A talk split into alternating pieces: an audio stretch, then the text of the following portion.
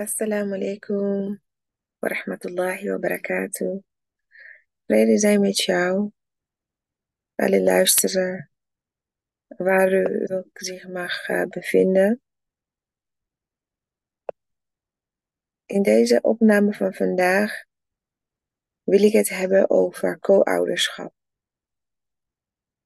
En eigenlijk opvoeding in zijn geheel. Want het is nu begin augustus en de meeste mensen zijn met vakantie. En uh, mensen die eerste drie weken met vakantie gaan, of eerste, laatste drie weken met vakantie. Weet je, we zitten nu midden in de zomer, dus dat betekent dat de meeste mensen net terugkomen of net op vakantie zijn. Dus het is een uh, prachtige periode.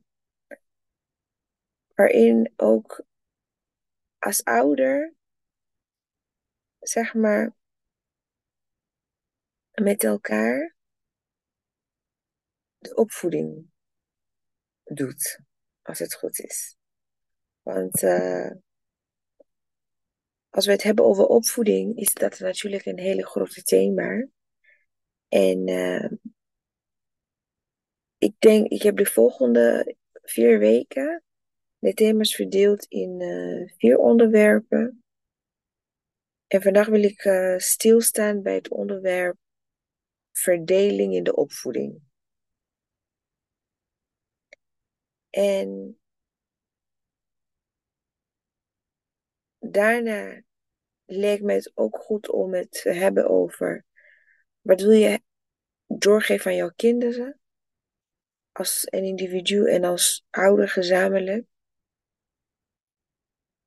In een derde onderwerp uh, zou ik ook willen praten met een uh, islamoloog en islamgeleerde die ons kan vertellen over wat de islam zegt over opvoeding. En het lijkt me ook echt goed om stil te staan bij wat willen we als umma nog uh, bereiken? Wat willen we als umma nog doen als het gaat over opvoeding? Waar willen wij nog op focussen? En vandaag uh, wil ik inderdaad stilstaan bij de verdeling. Uh, want ik denk op het moment dat alle twee ouders thuis zijn, op het moment dat de kinderen thuis zijn, dan wordt het heel erg duidelijk van wie pakt wat op. Um, waar ligt de kwaliteiten of waar legt de een focus op en waar legt de andere, waar hecht de, waar hecht de andere geen waarde aan. Dus dan, ja, worden er situaties gecreëerd wanneer jij eigenlijk met elkaar gaat hebben over, ja, dat vind ik eigenlijk niet belangrijk of ja, dat is, uh, daar wil ik echt geen energie aan besteden of. Dus jij komt echt met elkaar in gesprek over deze zaken. Omdat je wellicht met elkaar heel lang in de auto zit naar een uh, vakantiebestemming. Of heel ja, vaker met elkaar in de auto zit uh, op uitjes of naar familiebezoeken. Of simpelweg gewoon met elkaar thuis. Weet je, wie, wie uh, vindt het leuk om met de kinderen naar de speeltuin te gaan? En wie vindt het juist leuk om lekker online spelletjes te doen of tv te kijken met de kinderen? Dus de verdeling van wie wat doet, uh, wordt heel erg duidelijk in deze vakantieperiode. En uh, dat is ook zeg maar met co-ouderschap uh, ouders. Ook al wonen zij niet in dezelfde huis, maar het wordt heel erg duidelijk wat doen de kinderen bij de een ouders en wat doen ze bij de andere ouder. En um, ja, dat is denk ik iets belangrijk om met elkaar de tijd te nemen, nu het kan, nu het zich voordoet.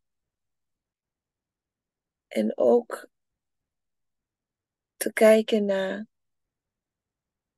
waar, waar, waar heeft die andere nodig? Wat heeft mijn man of mijn vrouw nodig? En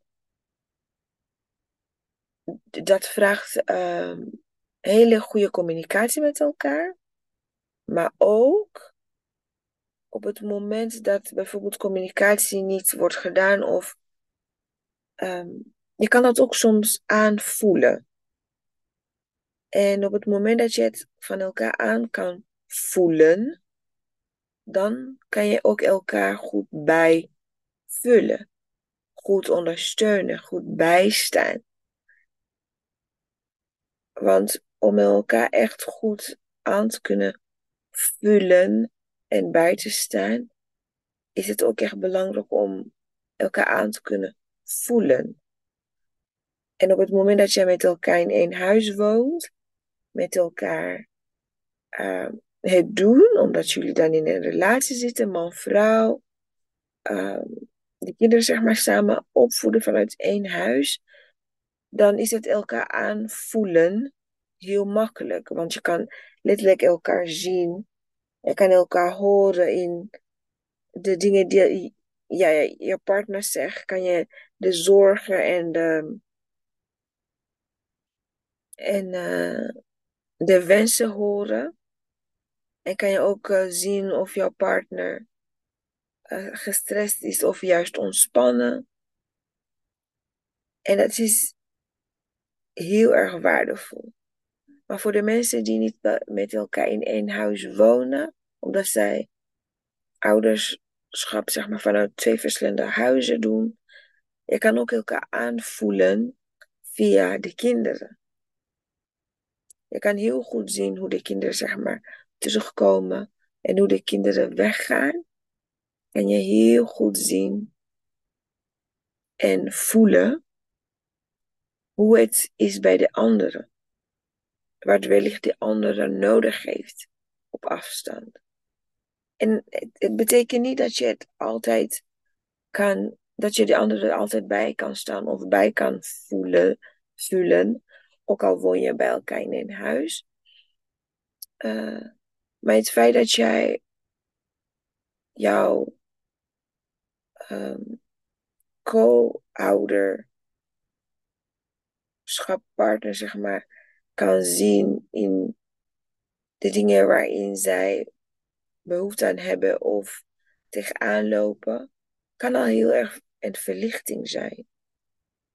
Want soms ga je naar de huisarts. En dan heeft de arts nog niet eens uh, iets gegeven tegen de pijn of genezing van jouw wond of van waar jij zeg maar mee zit. Maar het feit dat zij gewoon kunnen zien en jou vertellen van oké, ik zie dat dit en dit het kan zijn. En uh, er zijn behandelingen of het feit dat je gezien en gehoord wordt, kan al een verlichting geven. Dus heb even met elkaar. Ik vind dat wel een mooi om mee af te sluiten.